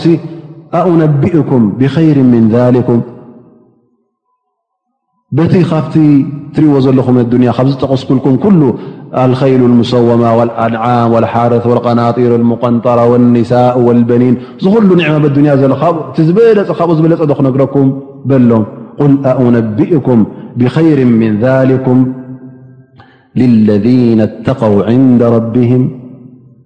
جنات تجري من تحته الأنهار م تقوى لم فرهت رب لم منؤ من قي الله مكلل ر بفرة الله سبحانه وتعالى سني مبر مكلل بر እንታይ ኣለዎም ጀናት ተጅሪ ምን ታሕት ኣንሃር ጀናት ወለይሰ ጀና ዋዳ ይ ጀናት ብዙሕ ጀናታት ኣለዎም ተጅሪ ምን ታሕት ኣንሃር ብትሕቲኣ እውን በብ ዓይነት ፈለጋት ይውሕዝ ማለት እዩ በዚ ናይ ፀባ ውሕጅ ይውሕዝ በዚ ናይ መዓር በዚ ናይ ማይ በዚ ናይ መስተ መስተ ናይ ዱንያ ናይ ኣራ ድማ ሓደ ኣይኮነን መስተ ከምር እዩ ሽሙ ድኣ እምበር ኣብ ኣራ ትሰትዮ ብሽም እዮም ዝራኸቡ ድኣ እምበር ኩሎም ሓደ ኣይኮነን ላ ስብሓን ወተላ ኣብ ኣራ ብቡንባ ዝመፅእ ኣይኮነ ብጥርሙዝ ዝመፅእ ኣይኮነ እንታይ ደኣ ትመዓርን እቲ ማይን እቲ ፀባን ኩሉ ውሓዚ ገይርዎ ማለት እዩ ሻሕሻሕ ብል ብትሕትኻ ይሓልፍ ማለት እዩ ብትሕቲ ጀና ኩሉ ትሕቲኣ ወሓዚ ይኸው ማለት ተጅሪ ምን ታሕት ኣንሃር ጥራይ ዚ እውን ኣይኮነን ብዝያዳ ብምንታይ ትሪኦ ኻሊዲና ፊሃ ኣበዳ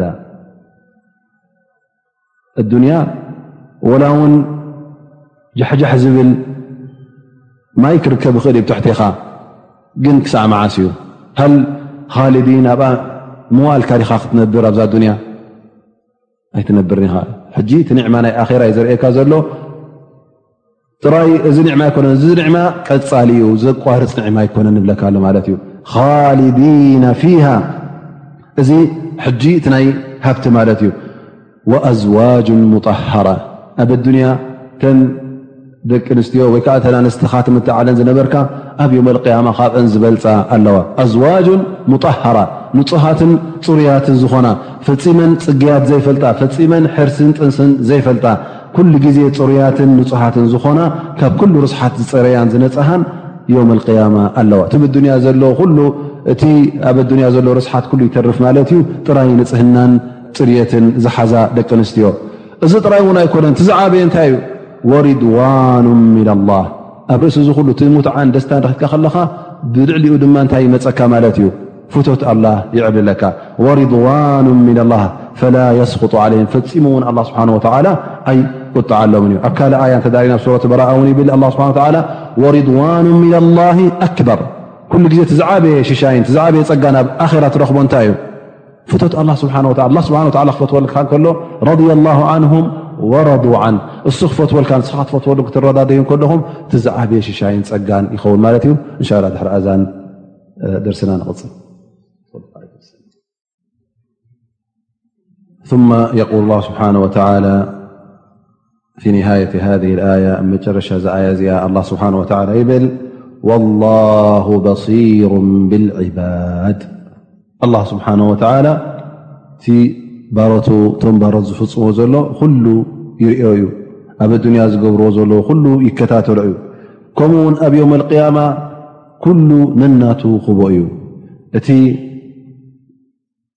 በዓል ር ዝነበረ በዓል ሰናይ ዝነበረ ክሳዕ ክንደይ ሰናይ ነርዎ ኣ ስብሓ ወላ ኩሉ ስለ ዝፈልጥ ኩሉ ብታ ዱንያ ስለ ዝሪኦ ዝነበረ ኣብ ዮም ቅያማ እውን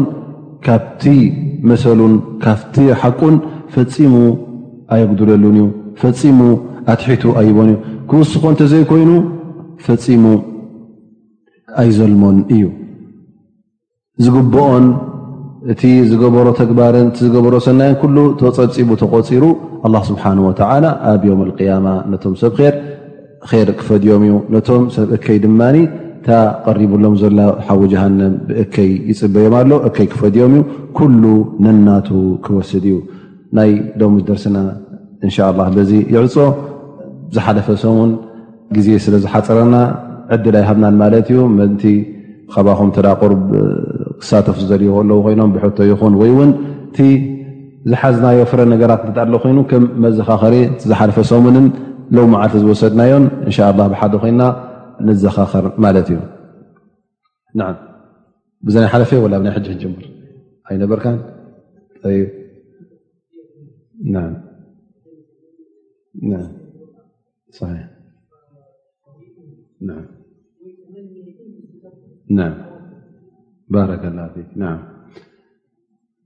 ሰሚዕኩማ ዋላ ክንደግማ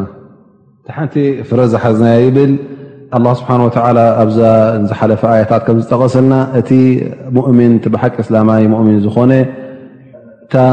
ጀና ናቱ እዱንያ ኣይኮነትን እንታይ ደኣ ፅባሕ ንግ ጀና ናቱ ኣላቶ እቲ መገዲ ኣላ ዝተጋገየ እቲ ካሕድ ካፍር ግን እቲ ኣላ ስብሓ ወላ ዘኸሓደ እታ ኣዱንያ እያ ጀን ስለዚ እንተ ደኣ ኣስላማይ ገለ ሽግር ኣጓኒፎ ኣብዛ ኣዱንያ እንተ ገለ መከራ እተ ኣጓኒፎ ኣብዛ ኣዱንያ ወይ እውን እተ ኣላ ስብሓን ወላ ተሂብዎ ዘሎ ሽሻይን ርዝቅን ትሑት እንተ ኮይኑ በታ ሒዝዋ ዘሎ ታ ተዋሂብዋ ዘሎ ሰብሪ ገይሩ ንኣላ ስብሓን ወላ እናመስገነ ክኸይዳ ኣለዎ ዳኣ እምበር እቲ ካፍር ተዋሂብዎ ዘሎ ሽሻይን ካፍር ተዋሂብዎ ዘሎ ርዝቅን ንዕኡ ክምነን ንኡ ክደልን የብሉን ምክንያቱ እቲ ካፍር ተዋሂቦዎ ዘሎ ቅጭጭ ክብለካ የብሉን ምክንያቱ ናይ ኣዱንያ ነገር ሓላፊ ስለ ዝኾነ ይንዋሕ ዳኣ እምበር ዓመታት ይውሰድ ዳኣ እምበር ነዊሑስ መጨረሽታ ኣለዎ ስለዚ እቲ ዘይጭረስ ኒዕማን ዘይጭረስ ፀጋን ንዕኡ ክትርእለካ ዳኣ እምበር እቲ ብዛ ኣዱንያ ትሪኦ ዘለካ ነቲ ካፍር ዝወሃብ ይኹን ወላ እውን ነቶም መንገዲ ተጋገይ ዝወሃብ ይኸውን ንዕኦም ብዝያዳ መሳቀይን ንዕኦም ፅባሕ ንግሆ ብዝያዳ ኣላ ስብሓን ወተዓላ ነቲ ዝገብርዎ ዘለዉ ዘንቢ መዳራረቢ ድኣ እምበር ካልእ ጥቕሚ ስለ ዘይብሉ እቲ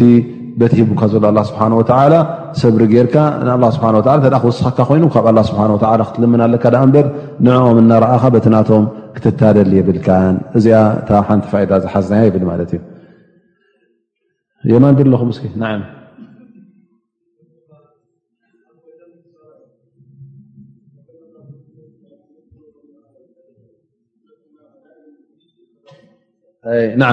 እዚኣ ናይ ዝሓለፈ ማለት ሰሙን እያ ዝሓለፈ ሰሙ ፅብቕቲ ኩሉ ግዜ ኣላ ስብሓን ወተላ ወላ ውን ኣነ ሙእሚን ኣነ ውን ኣስላማ እየ ኣነ ውን መገዲ ሓቂ ፈልጥ የልካ ክትታለል የብልካ እንታይ ኩሉ ግዜ ስብሓ ብ ትሕዝካዮ ዘለካ ሓቂ ኣብ ቀጥ ንኸብለካ ዱዓ ክትገብር ኣለካ እዚኣ ድማ ካብታ ዝሓለፈ ሰሙን ማለት እዩ እቶም ኣህል ዕልም እቶም ዑለማ እቶም ዕልሚ ዘለዉ ዝበሃሉ እንታይ ኣ ኢሎም ዱዓ ዝገብሩ ነይሮም ረበና ላ ትዚቕ ቁሉበና ባዕድ ኢድ ሃደይተና ኣላ ስብሓን ወላ መገዲ ሓቂ ምሰትሓዝካናስ ካብዚ ሓቂ ተውፅኣና ካብዚ ሓቂ ሸተት ኣይተብለና ኢሎም ዱዓ ገብሩ ነሮም ማለት እዩ እዚ ዱዓ እዚ እንታይ እዩ ቀጥ ኢሎም ኣብታ መገዲ ሒዞማ ዘለዉ ንክቕፅሉ ዱዓ ይገብሩ ማለት ስለዚ ኩላህና ኣይኮነን ዶ ንሕና እቲ ቀሊል ዕልሚ ዘለና ወላ እውን ዕልሚ ዘይብልና እቶም ዕለማ ዝተባሃሉ እቶም ኣላ ስብሓን ወተላ እዚ ዘይበሃል ዕልሚ ሂቦም ዘሎ ንገዛእ ርእሶም ሶም ኣላ ስብሓን ወተላ ካብቲ ሒዞሞ ዘለዉ መገዲ ፈልከት ንኸይብሉ ንኸይስሕቱ ዱዓ ይገብሩ ማለት እዩ ፈማ ባልክ ኣንት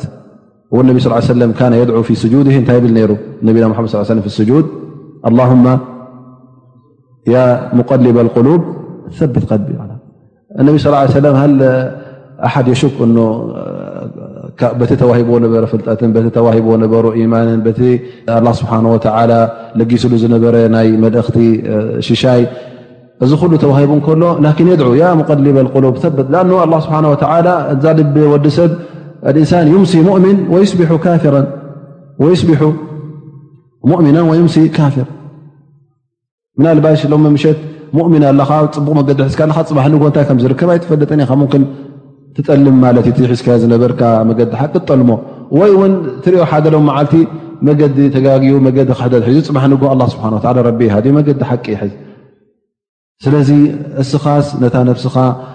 ኣብ ኢድካ ስለ ዘይኮነት እቲ መጨረሻ ኣብ ኢድ ኣላ ስለ ዝኾነት ኩሉ ግዜ ኣንተ ረቢ ካብዚ ሒዝዮ ዘለኹ መገዲ ሓቂስ ፈልከት ኣይተብለኒ ኣይተውፅዓኒ ኩሉ ግዜ መገዲ ሓቂ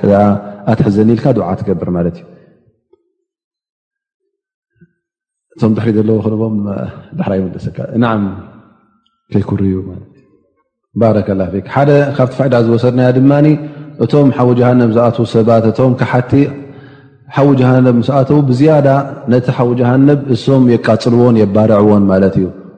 ወዲ ሰብን ኣእማንን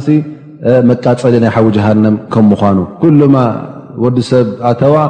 እንደገና ትወስኽ ማለት እዩ ከምዚ ልክዕ ዕንጨይቲ ወይከዓ በንዚን ተፍስሰሉ ሓዊ እንታይ እዩ ዝኾኑ እንደገና ይባራዕ ማለት እዩ ስለዚ ሳ እንደገና ውን ብእዞም ሰባት እዚኦም ትባራዕ ማለት እዩ ፈል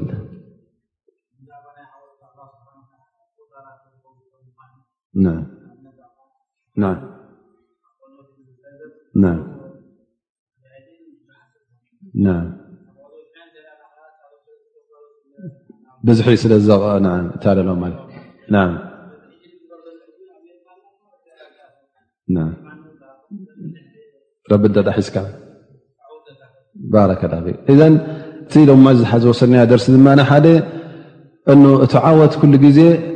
ብዝሒ ሰብን ውሕደት ሰብን ኣይረኣይን ማለት እዩ ከምቲ ኣብ ኩናት በድር ነቢና ሓመድ صለ ላ ለ ሰለም ውሕዳት ሰራዊት ሒዙ ከሎ ተዓወተ እቲ ዓወት ብኣላ ስብሓን ወላ ስለተዋህቦም ተዓዊቶም ማለት እዩ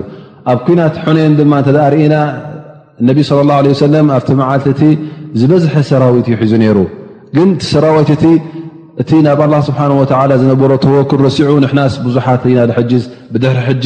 ብብዝሕና እዚ ዝስዕረና የብልናን ኢሉ እዚ ዓይነት ስምዒት ስለ ዝሓደሮም ኩናት ሕነን ምስ ኣተዉ ኩሎም ሃዲሞም ተሳዒሮም ማለት እዩ እዚ እንታይ ዘርእካ ሕጂ እቲ ዓወት ዝህብን ኣብ ዓወት ዘጎናፅፍ ብዝሒ ሰራዊት ኣይኮነን በርዝሒ ብረት ውን ኣይኮነን እንታይ ደኣ እቲ ኢማን እዩ ማለት እዩ እቲ ዓዋትን ኣስዓርን ድማ እቲ ዘዕውተካ ዘስዕረካ ድማ መን እዩ ኣላ ስብሓን ወላ እዩ ስለዚ ኩሉ ግዜ እተ መገዲ ሓቂ ሒዝካ ኣለኻ መገዲ ረቢ እተ ሒዝካ ኣለኻ ኩሉ ግዜ ኣነስ ሒደት ንሕናስ ውሕዳት ኢና ንሕናስ እንታይ ኣለና ከተብል የብልካን እቲ ኢማን እንተኣ ኣሎ ኮይኑ ኣላ ስብሓን ወላ ብኢማንካ ክዕውተካ እዩ እዚ ዝሓለፈ ደርሲ ዝነበረ ፋይዳ ዝሓዝናዮ ማለት እዩ ሓያት ናይ ኣላ ማለት ሂወት ናይ ኣላ ስብሓን ወተላ ፈፂሙ ኣቋራፂ ከም ዘይኮነ መጀመርያን መጨረሻን የብሉን ሂወት ኣብ ሓያት ናይ ፍጡር ግን መጀመርያ ኣለዎ መጨረሻ ኣለዎ እዚ እውን መልሲ ነቶም ንሰይድና ዒሳ ንየሱስ ኢሎም ከም ጎይታ ከም ኣምላኽ ከም ኢላህ ገይሮም ዝኣምኑሉ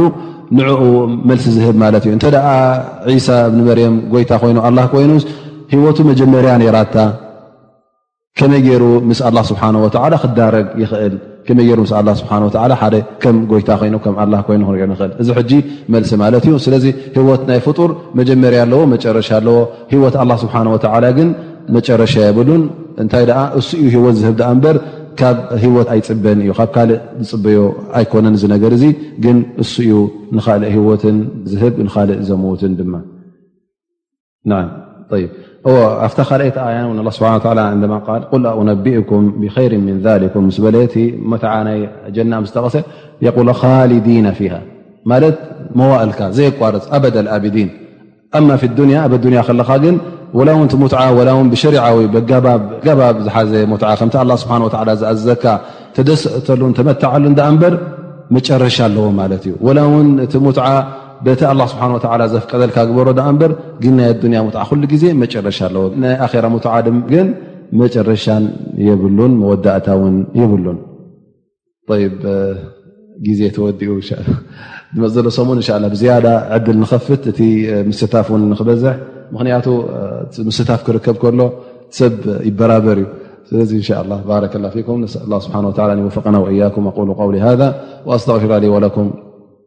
وأسأل الله سبحنه وعلى أن يجعل ما سمعنا خيرا لنا في ديننا ودنينا صل الله على ينا محم وعلى له وصب وسلم